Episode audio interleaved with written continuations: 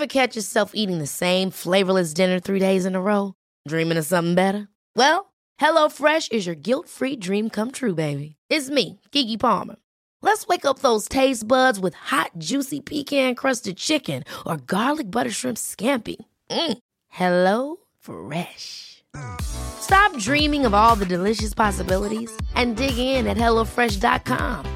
Let's get this dinner party started.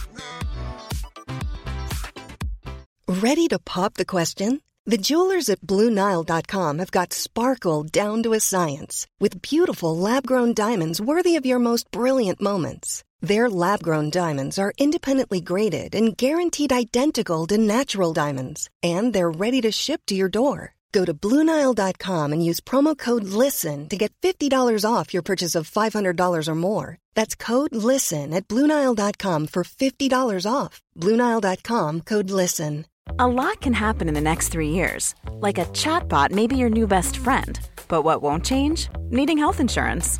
United Healthcare Tri Term Medical Plans are available for these changing times. Underwritten by Golden Rule Insurance Company, they offer budget friendly, flexible coverage for people who are in between jobs or missed open enrollment. The plans last nearly three years in some states, with access to a nationwide network of doctors and hospitals. So, for whatever tomorrow brings, United Healthcare Tri Term Medical Plans may be for you. Learn more at uh1.com.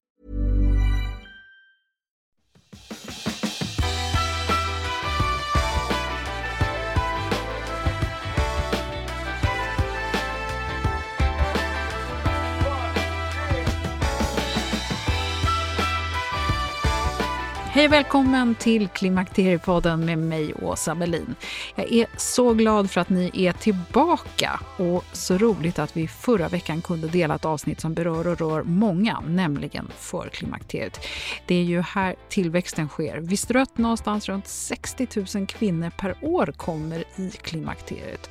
Och kanske vill du dela avsnittet för klimakteriet med någon du känner som tassar i utkanten. Desto fler som lär sig och förstår mer kring klimakteriet, desto fler kan bli ambassadörer för vårt välmående och stötta sig själva och andra. Fortsätt också att komma in med nya frågor och önskemål så att Klimakteriepodden fortsätter att vara relevant som en av Sveriges största poddar om hälsa.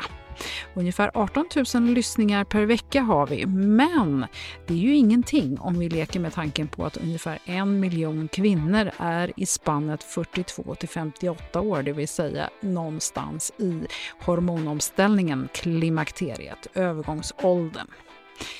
Du når mig via klimakteriepodden.se, alltså hemsidan, och Klimakteriepodden finns också på Instagram och Facebook. Så har du frågor och andra tankar så är du välkommen att höra av dig. I nästa avsnitt så ska Kristina Sundekvist träffa forskaren Katarina Ehrenborg och tala om hur vi kan påverka det vi känner av åldersrelaterade krämpor på både in och utsidan. Nu så ska vi få en spännande inblick i hur man gestaltar och profilerar klimakteriekvinnan på Sveriges största tidning om hälsa. Jag vill veta vad de tar för ansvar och hur de lyckas balansera med tanke på att vi har så olika förutsättningar och upplevelser. Hur gör man som publicist när man försöker vara korrekt och sprida kunskap och råd som stödjer utan att skrämmas eller ge felaktig information? Allermedia publicerar varje år studier, en typ typ av insiktsrapporter kring sina kvinnliga läsare som man kallar She Report. Och den senaste rapporten hade fokus på kvinnor 50 plus och man valde att ge klimakteriet extra fokus. Bland annat så såg man att kvinnor blir både gladare och nöjdare desto äldre man blir och föga förvånande så är det så att kvinnor mår som sämst kring 45. Alltså det är där det vänder. Och just runt 45 så är ju hormonomställningen förändringen märkbar för de flesta. Du hittar She Report på aller.se om du vill läsa mer om den. I det här avsnittet så träffar jag Jenny Sandberg som är chefredaktör på tidningen Må bra där majoriteten av läsarna är mellan 40 och 60. Så vi ska få en spännande inblick i hur man resonerar när man skriver om klimakteriet och en otroligt spännande och samtidigt skrämmande återblick tillbaka till 90-talet. Tack och lov för ordet upprättelse, säger jag bara. För glädjande nog kan vi se att det har hänt saker, men det finns många utmaningar får vi veta. Så välkommen att lyssna.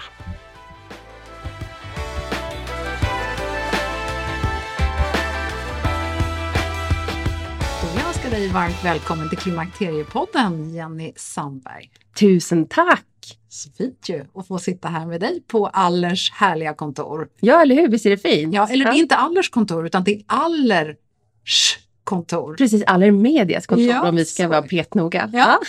Och du är chefredaktör för tidningen Må bra. Precis. Som jag tror att många som lyssnar på Klimakteriepodden känner till och kanske gillar att läsa och bläddra i. Ja, det hoppas jag. Och Ja. sen så har du ju också Motherhood under dina vingar och då tänker jag att den är, även om många av mina lyssnare också är mammor så tror jag att många av dem förknippar den tidningen med lite yngre barn än kanske tonårsbarn som många har här. Eller till och med barnbarn kanske i och för sig. Mm. ja, men så är det. Det är målgrupp mammor. Ja. Och Må bra, vem läser Må bra bara kort? Du ska få presentera lite. Ja. bara- Ja, Må bra är ju en papperstidning, ett månadsmagasin och det har det varit i, eh, vi är nästan lika gamla, jag Må bra. Eh, så det är nästan 45 år gammalt.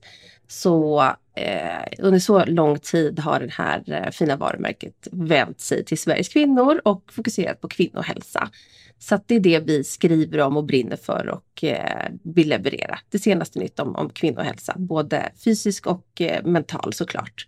Och eh, sen 15 år tillbaka så är det också en stor sajt och det är sociala medier och ett stort hälsounivers Ja. skulle jag säga.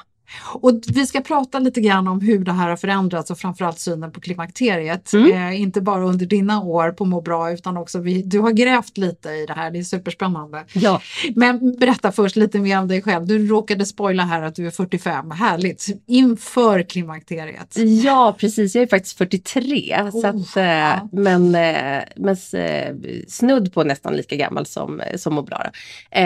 och har varit chefredaktör i tre år. Men hängt på Må bra eh, som redaktör och andra roller i, eh, jag tror det nästan är 12 år snart faktiskt. Så att eh, eh, vi har en lång track record jag och, eh, och det här varumärket. Ja, och vad gjorde du innan? Eh, innan jag började på Må bra, Ja. eh, då var jag också i mediebranschen och jobbade med eh, innehåll på kvällstidningarna bland annat och eh, även på kommersiella sidan. Men fortfarande liksom med fokus på, på media och Mm. eh, redaktionella produkter.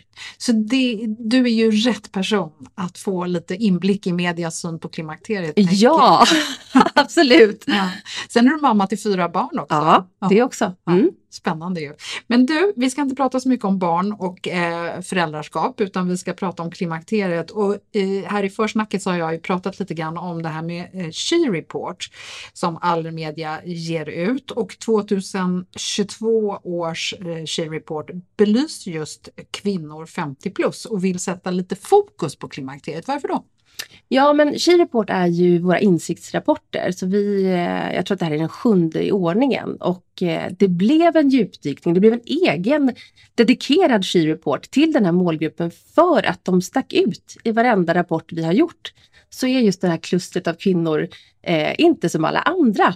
De är gladare, de är nöjdare, de mår bättre. Det här är ju superinspirerande på riktigt. Eh, för när vi såg de här mönstren så såg vi också att så här, varför vänder sig då inte eh, annonsörer eller liksom aktörer så specifikt till den här köpstarka och uppenbart jättevälmående målgruppen. Så det ville vi lyfta. Vi tyckte de förtjänade en helt egen rapport, så det fick de. Och, och då tycker jag ju att det är spännande just med rapporten för det är ju också, det är liksom vissa saker sticker ut mer än andra. Och vad var det ni såg? Vad var det som ni liksom hade sett tidigare också som var spännande i det här? Ja, men superförenklat så såg vi ju att eh, vi kallar det här för åldersparadoxen, att ju äldre man blir, ja men desto nöjdare med livet blir man. Eh, det är jättehärligt att få ta del av en sån jag tycker också det är väldigt inspirerande information att få. Eh, och i den här livs, eh, livets lyckokurva, om man ska liksom förenkla det så, som ser ut som ett stort leende om man tittar på den från håll. Där befinner jag mig då som eh, 43-åring någonstans på botten. Så att jag tycker det här var jättepeppigt och så här, jag tycker ändå mitt liv är ganska härligt nu. Så att jag ser verkligen fram emot att fylla år framåt då enligt eh, de här eh, spännande insikterna som vi såg. Men eh, vi såg ju också att eh, klimakteriet var någonting som stack ut. Det är någonting som, alltså det är en stor sak som, som händer i livet och också att det fanns en ganska stor okunskap kring det här. Eh, och där vill ju jag med mitt varumärke i ryggen såklart hjälpa till att täppa till den kunskapsluckan. Det är ju jätteintressant hur vi kan veta så lite och prata så lite om någonting som ändå är så pass stort. Mm. Och för mig blir det ju så himla tydligt då att den här bottnen är i förklimakteriet mm. innan man kanske ens är medveten om att man har börjat tassa in i den här hormonomställningen. Och sen på något sätt när man förstår vad det är med en och vad som händer så börjar man må bättre igen. Och sen så har man på något sätt något, sån här, liksom, något härligt. All time high. ja, men, ja, men och jag kan ju känna igen mig lite grann i det själv. Att som nu när jag är 56, om jag jämför med hur jag mådde för tio år sedan, så mådde jag ju mycket, mycket sämre då. Mm. Men jag har väldigt stor respekt också för att alla kvinnor inte har den här kurvan utan det är väldigt olika och många kvinnor är ju också så att de glider igenom klimakteriet och sen är det någonting som händer efteråt. Så det, det är ju inte så att vi kan säga att klimakteriet är på det ena eller andra sättet. Men vad vi ska fokusera på nu är att tänka på att den här bilden som ändå media målar upp av klimakteriet och, och, så ska vi titta lite tillbaka och vi ska också eh, sia lite framåt. Du har ju arbetat med media då i så många år mm. och du har ju en bra bild av hur man ser på klimakteriet som redaktion. Eh, jag vet att vi hade Amelia Adamo med här för jättelänge sedan, alldeles i början av poddens historia och då så sa hon att liksom, man hade klimakteriet som ett tema typ en gång om året och då vevade man igång det här för man fick inte ha det för ofta. Så att det liksom så här, klimakteriet låg med som någon slags stående punkt som skulle, skulle med. Avhandlas liksom. ja, men typ. Och sen hade man bockat av det för året. Just det, liksom. check på det. Ja, ja mm. eh, vilket jag tycker är väldigt märklig inställning om man då liksom har en, eh, en målgrupp som rör sig i det ämnesområdet mm. eller som där det är relevant. Berätta, hur Må bras målgrupp och hur ser ni på klimakteriet? Må bra har ju liksom haft den här bredare målgruppen. Eh, och lite sådär vakt kvinnan mitt i livet. Ja hon är ju mitt i livet och kan vara lite var som helst. Sen har vi alltid ja, men, sett framför oss en, eh, en kvinna med eh, eh, absolut äldre barn och kanske till och med har flyttat hemifrån. Men vi har liksom aldrig, nu när jag har grävt i arkiven, pratat om klimakteriet på, på ett så uttalat sätt. Det är eh, man har gjort framsteg. Det är, så mycket kan jag avslöja. Ja. ja, om man går tillbaka lite grann i Må bras arkiv då som mm. du har gjort. Berätta, vad är det du har sett? Ja, gud, jag satte nästan kaffet i halsen. Eh, jag började nysta i 90-talsarkivet då. Eh, och då ska man också ha med sig, så här, då hade vi ju inte internet, vi hade ju inte sociala medier. Det här är ju liksom innan det hände. Och det finns till att börja med inte så mycket om klimakteriet. Jag får liksom inte så mycket svar på de sökningarna när jag eh, söker helt enkelt. Alltså har man förtäckt det? Eller Nej, är det, man det, pratar vi har inte pratat om det. Nej. Det här är ju jätteintressant. Eh, så att det första jag eh, sen då snubblar över, jag får liksom leta med, med stora förstoringsglaset, det är den, ta, den talande rubriken Är du i klimakteriet? Frågetecken. Eh, och jag tänkte, ja men äntligen, här börjar det då. Men då visade det sig att det vände sig till män. den här artikeln. Okay. Så det här tyckte jag var jätteintressant och eh, den är också illustrerad med en eh, så här, pantomimartist med en stor tår som rinner ner, jättemärkligt bildsatt. Och det är en expert. Hur länge sedan är det här? Det här är alltså tidigt 90-tal. Okay. Eh, och det är råd till mannen i övergångsåldern. Och hur såg Må bras läsare ut? Nej, det är fortfarande liksom kvinnor som är målgruppen men här är det ju liksom någonstans att vi har brutit ut det till eh, någon slags eh, extra bilaga med fokus på liksom, den manliga hälsan. Ja. Där är eh, liksom, det är det första jag hittar som, det är klart att vi har pratat om klimakteriet innan men här liksom är det första gången som jag ser det stort i rubrik. Ehm, och eh, jag skulle vilja läsa upp, för det här är jätte, jag vet inte om jag ska skratta eller gråta, men den här experten säger då om en man sett sin fru som snygg och sexig och hon har gått upp i vikt och mist intresset för sex så vill han kanske inte säga något till henne för att inte såra. Men han tänder inte längre på henne och då kan det vara en lättnad att berätta det för mig som är man. Och jag förklarar att det här är en naturlig reaktion. Så att det här känns ju liksom... Oj, jösses! Ja, jösses! Tänkte jag också faktiskt. Ja. Eh, så att eh, den här artikeln handlar... Sen är det också intressant för den belyser också den hormonella liksom, resan hos männen. Det kan man ju också prata mycket om tycker jag. Lite liksom daterad syn på på kvinnans roll och kvinnohälsa. Liksom, kan man väl ändå läsa tydligt mellan raderna i det här expertsvaret. Då. Eh, och det var förstås en man som var ja, experten. Ja. Eh, så det här är eh, från, från män till, till män som inte då är det, det normala i må bras fall. Vi har ju liksom, vi är en redaktion med kvinnor och vänder oss till kvinnor. Eh, ett oväntat fynd i arkivet när jag då skulle eh, titta Men det på. hörde tack och lov inte till vanligheterna. Så vad är det du ser sen då? Eh, nej men sen så, eh, det, vi måste liksom över till 2000-talet. Det måste bli ett millennieskifte för att vi ska eh, blåsa upp klimakteriet större. Det är någonting som händer där kring eh, ja, men att, att det behöver bli 2000-tal. Vi börjar prata svettningar. Eh, vi pratar övervikt kopplat till klimakteriet. Man börjar prata om östrogen och mycket så här, är det farligt eller inte? Liksom, vad är det? Det är liksom en djungel av hormoner man försöker orientera sig i. Och ofta är det här bildsatt ja, men liksom på ett överdrivet humoristiskt sätt. Det är kvinnor som sliter sig i håret eller det är liksom stora svettfläckar och det är liksom lite pajigt fast liksom eh, ändå allvarliga ämnen. Arga papiljotttanter. Ja men lite så. Det är ju liksom inte åh, en Jennifer Aniston person som är i klimakteriet utan det är ja, mer en papiljotttant då som du säger. Eh, och lite den här ja, men bilden av den här hysteriska kvinnan på något vis som är hon är ett problem. Liksom. Hon har tappat kontrollen över sig själv. Det har hon absolut gjort enligt ja. de här genrebilderna då. Ja. Och där roade jag mig också att söka i, vi använder ju när vi, när vi bildsätter våra artiklar så är vi också i, ett, i händerna på stora bildbyråarkiv. Och där ser man också en förändring på när man söker på klimakteriet. Och då är det också den här, den här överdrivna bilden av eh, en kvinna som har tappat, har tappat fullständigt, ja. typ nu skrev jag så här förbrukad aura, men lite så här att det är, klimakteriet är ju ingenting man eh, längtar till, man vill inte vara i det, man vill inte prata om det.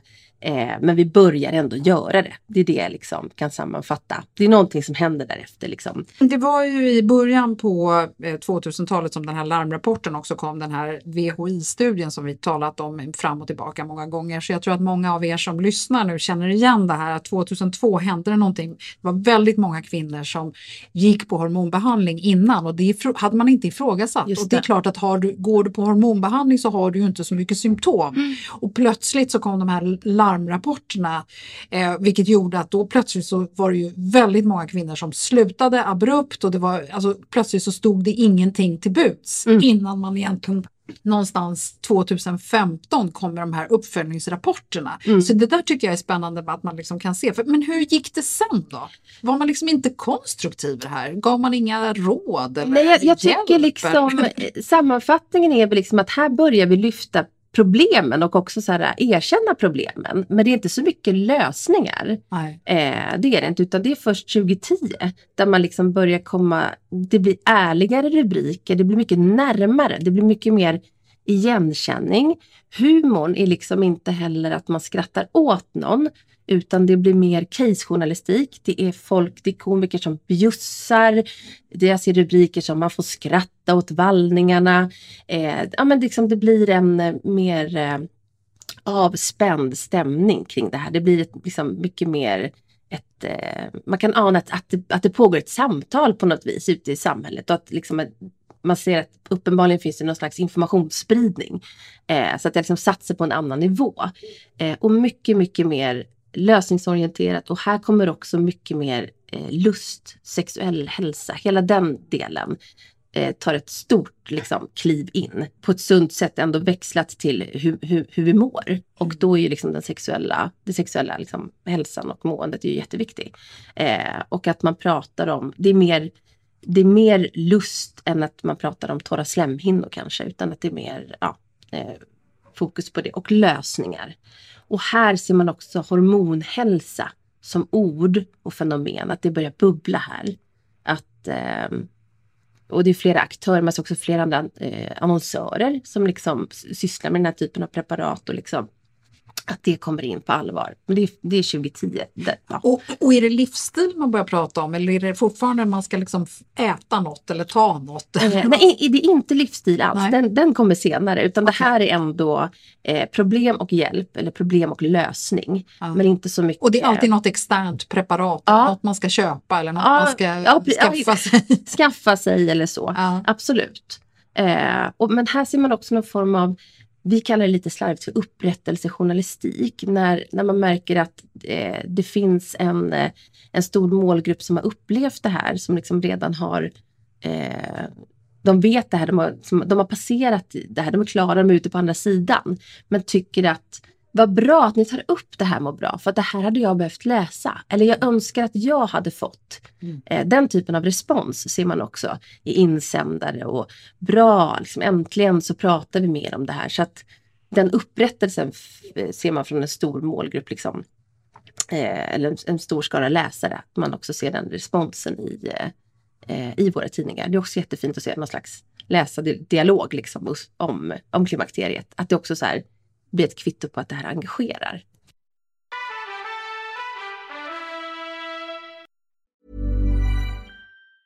Jewelry isn't a gift you give just once. It's a way to remind your loved one of a beautiful moment every time they see it. Blue Nile can help you find the gift that says how you feel and says it beautifully with expert guidance and a wide assortment of jewelry of the highest quality at the best price. Go to BlueNile.com and experience the convenience of shopping Blue Nile, the original online jeweler since 1999. That's BlueNile.com to find the perfect jewelry gift for any occasion. BlueNile.com.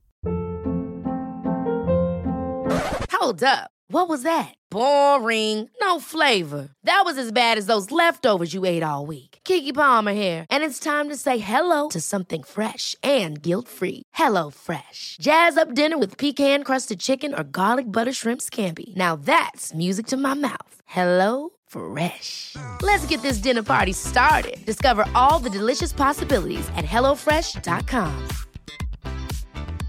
Cool fact a crocodile can't stick out its tongue. Also, you can get health insurance for a month or just under a year in some states. United Healthcare short term insurance plans, underwritten by Golden Rule Insurance Company, offer flexible, budget friendly coverage for you. Learn more at uh1.com.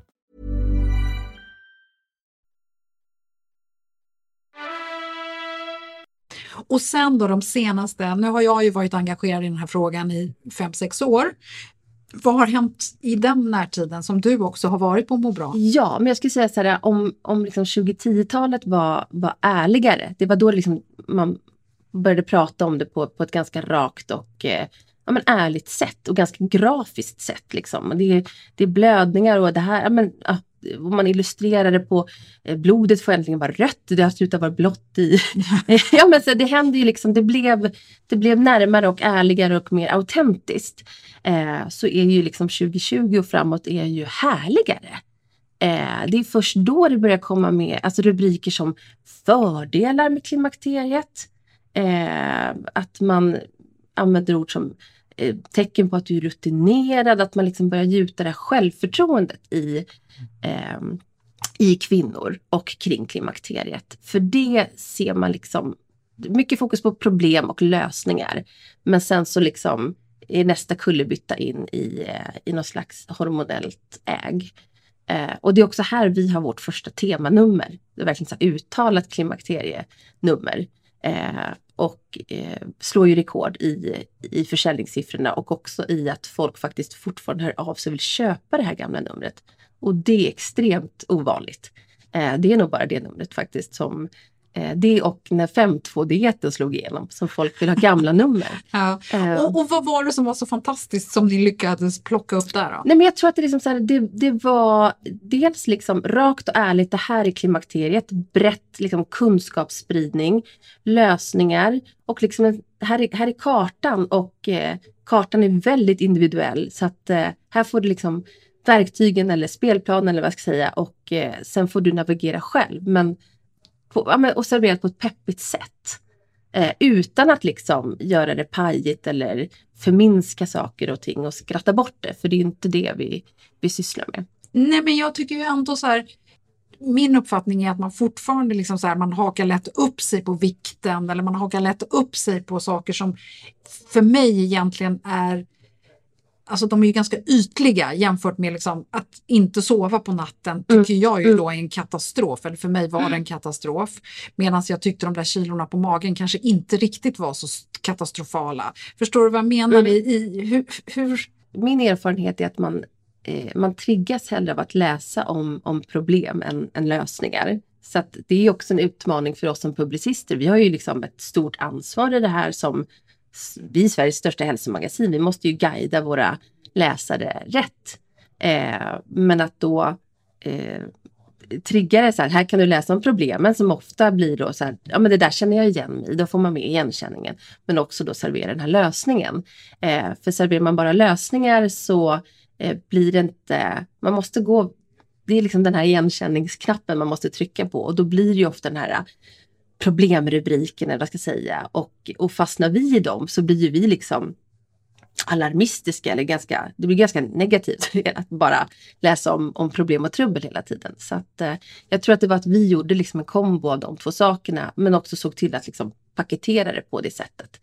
För jag tänker så här att eh, det här känns ju som ett super liksom, tacksamt nummer att göra tre olika profiler. Nej, men förstår du vad jag menar? Så här, så här har Linda tagit hand om det och så här har Elisabeth gjort och så här har Lotta gjort. Mm. Och så liksom så här, är de tre helt olika med olika utmaningar så får du deras lösningar. Liksom. Jo men och det hade vi absolut med, alltså casejournalistik, riktiga röster är ju liksom superviktigt och där kan det, det kan också vara att det faktiskt är tre innerstads eh, som, som ändå har fundamentalt helt olika upplevelser eh, av klimakteriet såklart. Så att det behöver ju inte heller vara eh, geografiska skillnader eller annat utan det, det är också jätteviktigt att det är ju så individuellt. Och det gäller ju all hälsa såklart. Eh, så där får man ju också akta sig att man inte bara eh, listar symptom och sen så ska någon sitta och liksom känna efter och, och försöka bocka i det där. För vissa eh, kanske klimakteriet visslar förbi som ingenting och för någon annan blev det något helt annat. Så här. Det viktiga är ju att man då får liksom hela det här spektrat. Ja, för det Ja. måste ju vara superutmaning att liksom inkludera då. Ja, men såklart det är. Eh, och också att, eh, jag menar din sanning är ju din sanning och min sanning kommer ju vara någon annan eller våra upplevelser kommer likna och skilja sig åt liksom, så är det ju. Ja, och att Ja. man delar olika Ja, utmaningar och olika lösningar. Ja, Och, och nu så sitter du här och så ska ni ha ett nummer som kommer så småningom. Ja. nu är det dags igen. Nu är det dags igen. vad, vad, vad, hur tänker du då? Nej men det finns ju alltid forskning som har tagit ett kliv framåt. Det är, liksom, det är ju äntligen ett prioriterat område. Kvinnohälsa överlag, särskilt hormonell hälsa skulle jag säga. Och eh, klimakteriet är ju liksom en stor del av det såklart. För vi, det vi såg både i She-reporten men också i dialog med våra läsare, det är fast vi, jag tycker vi liksom har väl aldrig pratat så mycket om klimakteriet som nu. Vi har aldrig haft så mycket material och information om det. Men det är fortfarande en jättestor okunskap. Det här är jättespännande. Vi har pratat om det på redaktionen och när vi gör sådana stora satsningar så pratar vi också med andra team i huset. Vi ska göra video, vi ska ju göra liksom flera nedslag kring det här. Och eh, vi samlas ju då i stora möten och eh, mötet heter ju klimakteriet. Och alla har ju ett personligt liksom förhållningssätt eller ja, koppling till, till det här. Och, men gud, jag vet ju ingenting om det här egentligen, vad konstigt. Man har liksom inte reflekterat över det. Men det vi har kunnat liksom konstatera är att herregud, till och med i vårt eget hus där vi liksom varje dag går till jobbet för att göra innehåll riktat mot kvinnor så har vi jättestora kunskapsglapp. Och min spaning i det är ju att det är så olika. Alltså, Mm. Alla kvinnors klimakterium är ju unikt. Så att jag tänker att man skulle behöva ha fem nummer på raken om klimakteriet och alla olika aspekter. Och då kanske vi istället kliver in i den här att vi skapar oro. Så- Ja. Och hur tänker du kring, kring det? Ja men där har vi ju också ett ansvar såklart. Så att det blir, eh, och det blir nästan alltid en baksida när någonting blir hot topic. Liksom, klimakteriet är ju inte en, det är inte en egen megatrend men jag skulle säga att hormonell hälsa absolut är det. Och då blir det ju någon slags överinformation och eh, kanske överkonsumtion av informationen och vad är fakta och vad är inte och vilka är aktörerna bakom eh, den här informationen. Det, är liksom, det blir ganska ljungligt. Det är klart att man kan skapa oro för att det blir så stora mängder information och det blir så många sanningar. Eh, och det finns eh, forskning som visar ditten men det finns också nya rön, ny forskning som kanske visar motsatsen. Och här, det jag tänker man måste luta sig mot är ju också att så här, återigen, vi är individer. Så att mitt klimakterium kommer vara mitt och eh, det vi kan göra som publicister är ju att så här, det här kan hända. Här har du den information som du behöver och den hjälp som, som finns som du, kan, eh, som du har rätt till. Och egentligen det stora, stora medskicket är ju att du ska inte behöva må dåligt. För det ska faktiskt ingen kvinna behöva göra. Det är 2023 och eh, det finns hjälp att få. Eh, och kunna guida till det. Mm. Eh, men också då, du behöver ju inte eh, vara en av dem som, som mår dåligt heller. Så den informationen behöver vi också komma åt. Ja precis, för den Mm. är svår att balansera där. Mm. Och, och det är väl därför som jag tror att det är en utmaning att överhuvudtaget få kvinnor att vara engagera sig i klimakteriefrågan för den är så bred på något sätt. Att om, om du liksom i skräckscenariot listar du liksom 40 symptom Mm. som skulle kunna vara klimakteriet och sen så trattar du ner det till liksom svettningar och vallningar som jag tror alla har hört talas om. Eller, och torra slemhinnor i underlivet. Mm. Så liksom, det är ett enormt brett spektra och vem vill gå runt och oroa sig för det där eller fundera på att det ska komma. Jag tänker att man får ta det när det kommer lite grann. Så att jag tycker ju att den viktiga saken är ju att man vågar upplysa och prata om att det kan hända men samtidigt lugna och det är där den balansen jag tycker är väldigt, väldigt svår. Ja, och det, vi brukar också säga att kan är ett väldigt bra rubrikord för att man också ska kunna veta att så det här är inte eh, det här är inte ett facit utan det här kan hända. Eh, det här kan vara eh, det är stor skillnad på att det här är. Att klimakteriet påverkar livskvaliteten, det, det vet vi ju. Det ser vi ju jättetydligt i våra undersökningar och sådär. Men att eh, eh det behöver ju inte bli eh, fara och färde och liksom eh, något supernegativt. Och där är det klart att man vill ju inte heller då eh, försätta någon som är, inte ens har klivit in i förklimakteriet i år av oro inför någonting som sen inte blev. Så att den, den sidan är också jätteviktig att lyfta och det, det är vi noga med. Mm. Um, sen är det ju inte det som är mest, mest läst om man säger så. utan- Nej, för, för det, jag ville komma dit sådär. Det fortfarande verkar vara så svårt att prata om klimakteriet. Mm. Vad tror du att det beror på? Nej, men jag vet inte. Jag tycker ändå som kvittot på, på försäljningssiffrorna av det här numret. Vi ser ju liksom att, att personer digitalt konsumerar innehåll som är kopplat till klimakteriet. Så det finns ju ett sug efter innehållet. Det är ju helt eh, det är ju superklart, liksom. det har vi ju data på. Men, eh, och jag upplever också att man, när man pratar om det så pratar ju folk, det är inte, vi, pra, vi är ju jätteöppna idag eh, om, om kvinnohälsa generellt och det är liksom vi har lyft massa stigman och tabun så att det känns liksom inte, jag vet inte vad det är, om det är att det här med eh, att åldrande är, är en grej, att eh, eh, mogna vill vi göra men vi vill liksom inte åldras och att klimakteriet är så hårt förknippat med att vara äldre helt enkelt. Mm. Men ändå så lyfter man ju idag den mogna kvinnan, om jag nu får använda det ordet, Mm, som kanske mm. lite tråkigt bara det. Men alltså, det finns ju jättemånga snygga, coola kvinnor som är liksom 50 plus och de får ju ändå ta lite plats. Ja, men där är väl, det är väl som i, i alla paradigmskiften. Någonstans är det så här om vi backar ordentligt och hela liksom metoo och någonstans är vi ju faktiskt i, det är en ny sida i historieboken i, om kvinnans historia. Det, det får ju faktiskt vi vara med om och det är ju superhäftigt. Och där, ett kapitel handlar ju om eh, ålderism och eh, hela den biten. Och det blir alltid, förändringar måste ju ibland liksom regisseras tänker jag. Och då får det ju vara lite regisserat och konstlat innan det blir norm. Eh, men det är klart att också så här, hej här är jag, jag är 50 plus och jag är här i egenskap av att jag är 50 plus. Det blir liksom, det är därför, så jag kan hålla med om det, att det liksom, eh, vi ser det också när vi, ja men, i all form av liksom inkludering och, och normförändring, hur en frisk kropp ska se ut och gestaltas eller vad det nu må vara. Mm. Men i det stora hela, liksom i det stora perspektivet så är det ju ändå en, eh, en jättestor positiv förändring i att eh, ja, men vi ser seniora kvinnor ta plats. Det gör vi ju faktiskt. Mm. Eh, och det är ju som sagt det är jättestor skillnad i eh, när jag blickar tillbaka i mitt eh, lilla arkiv och, och också eh, tittar på andra titlar eller media stort. Liksom. Mm. Eller samhället i stort egentligen. Jag tänker ändå på så här, bilden av eh, klimakteriekvinnan. Det går liksom att lägga an så här många olika toner och uttryck och vi har varit inne på många här. Men hur väljer just ni på Må bra att adressera liksom, och, och andra tidningar, alla koncernen? Har ni liksom redan har ni sagt så här, ja men Må bra ska ta den här eh, approachen, Ja. Hemmets Journal ska ta den här. Ja. och så vidare. Eh, nej, så, så har vi inte pratat. Eh, men eh, vi är jättenoga med, det är väldigt viktigt, så här, tonaliteten. Vad, vad är det som gömmer sig i, liksom, eller vad jobbar vi med när vi skriver text? Vad, vad är vårt budskap i skrift? Men också i bild. Bilden är jätte, jätteviktig. Bilden av klimakteriekvinnan är ju inte den här hysteriska papiljottantalonen, liksom, utan att det är en, eh, en ung snygg kvinna mitt i livet. För hon är ju inte gamla tanten.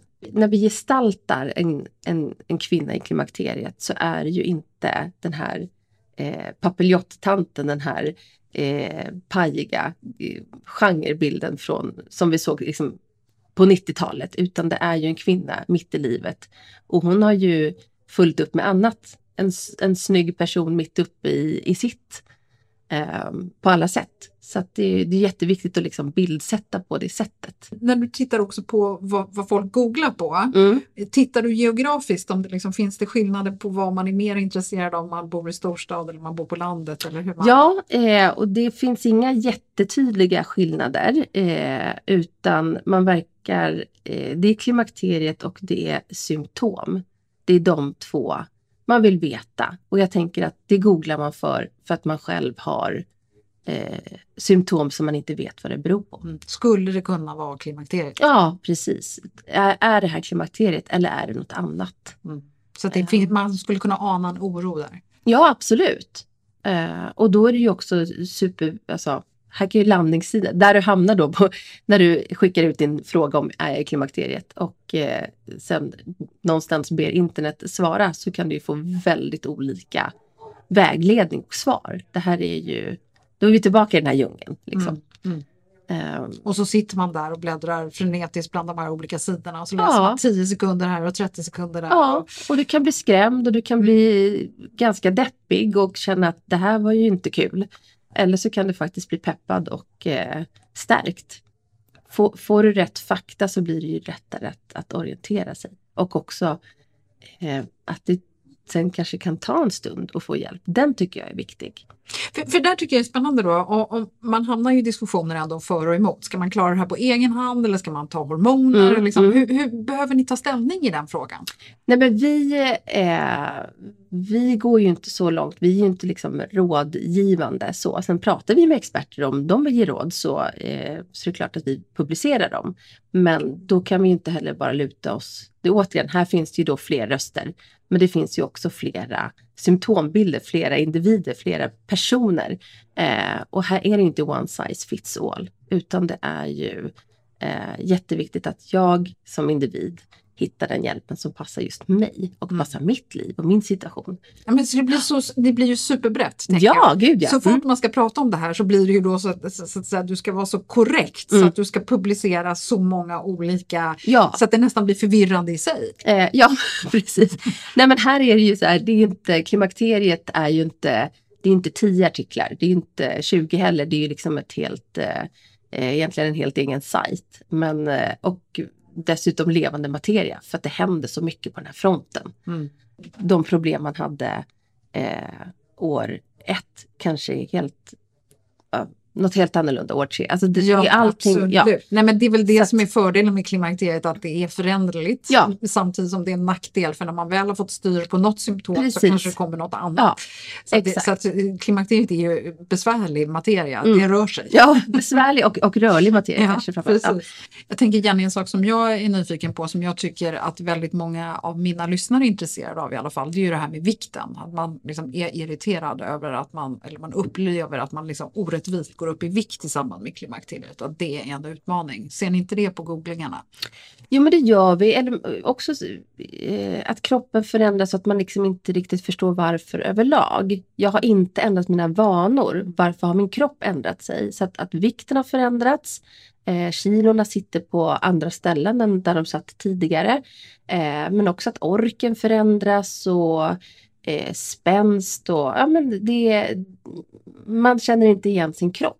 Mm. Uh, men absolut att det finns ett intresse i, i googlingarna kopplat till uh, vikt och klimakteriet. Det är jättetydligt, särskilt kring uh, bukfett och klimakteriet. Det är mm. två nyckelord som används tillsammans ser Men det tycker inte jag är så konstigt i och för sig eftersom man hela tiden pratar om att bukfettman är den farliga. Så att det Just kanske det. inte så, mm. även om det kanske är lätt att man får mage eh, så är det ju ändå kanske en naturlig koppling eftersom det är det man hela tiden pratar om. Att, att det är det farliga fettet? Ja, ja men precis. Ja. Du, eh, vi ska börja runda av det här men jag tänker så här ändå, eh, vad upplever du att ny, läsarna är mest nyfikna på? Vad, vad är det som de går igång på?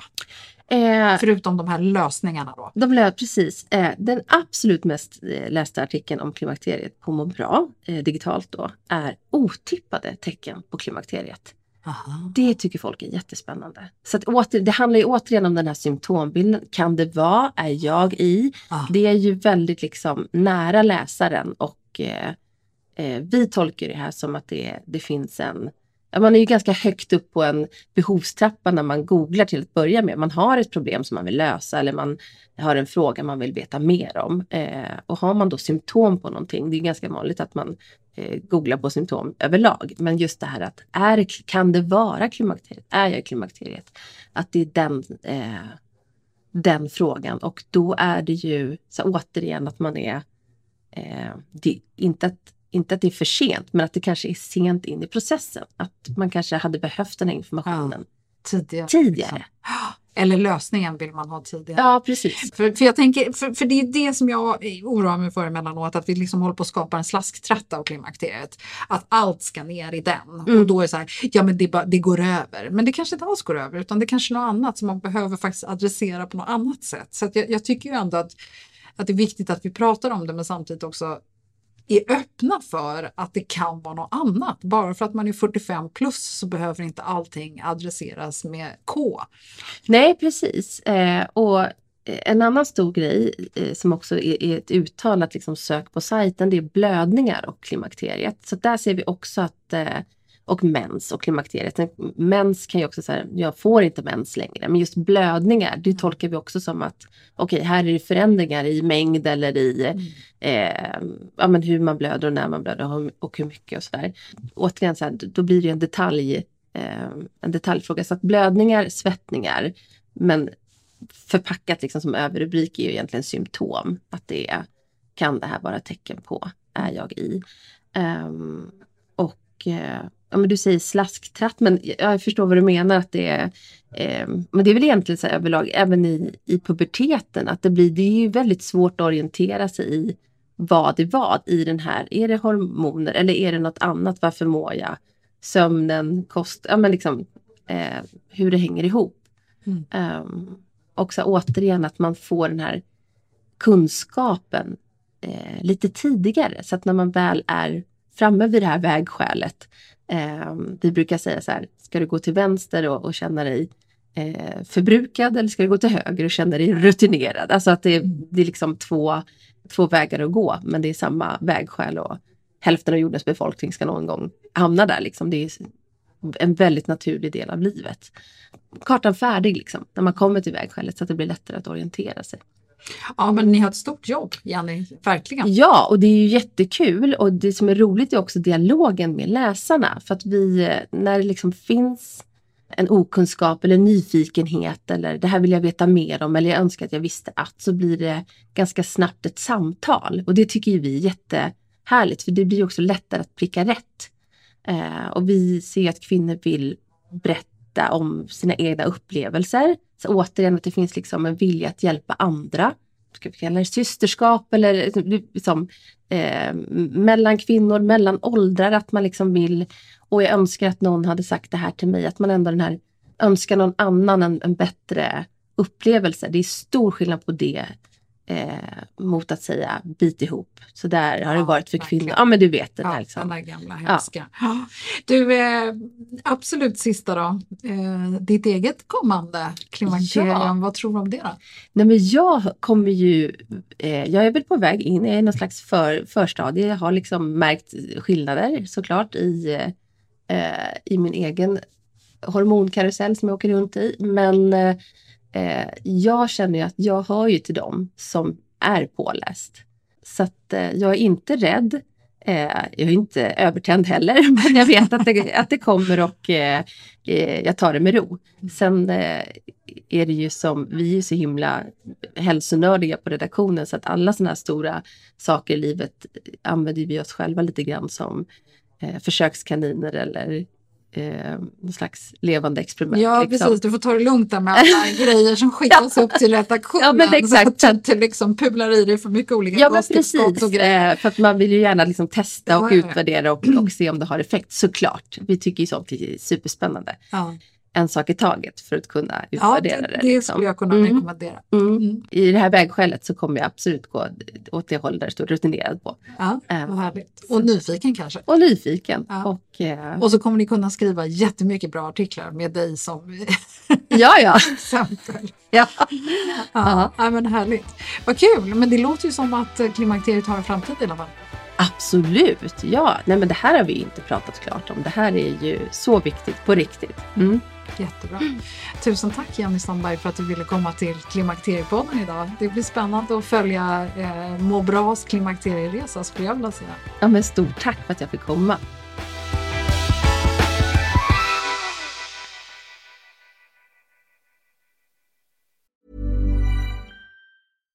Hi, I'm Daniel, founder of Pretty Litter. Cats and cat owners deserve better than any old fashioned litter. That's why I teamed up with scientists and veterinarians to create Pretty Litter. Its innovative crystal formula has superior odor control and weighs up to 80% less than clay litter. Pretty Litter even monitors health by changing colors to help detect early signs of potential illness. It's the world's smartest kitty litter. Go to prettylitter.com and use code ACAST for 20% off your first order and a free cat toy. Terms and conditions apply. See site for details.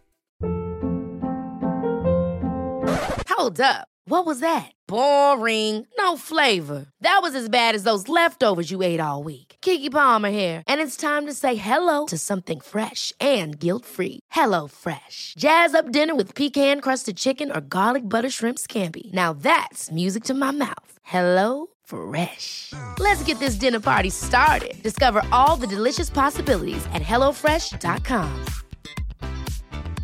Hi, I'm Daniel, founder of Pretty Litter. Did you know cats tend to hide symptoms of sickness and pain? I learned this the hard way after losing my cat, Gingy. So I created Pretty Litter, a health monitoring litter that helps detect early signs of illness by changing colors, saving you money and potentially your cat's life. Pretty Litter is veterinarian developed, and it's the easiest way to keep tabs on your fur baby's health right at home. Go to prettylitter.com and use code ACAST for 20% off your first order and a free cat toy. Terms and conditions apply. See site for details.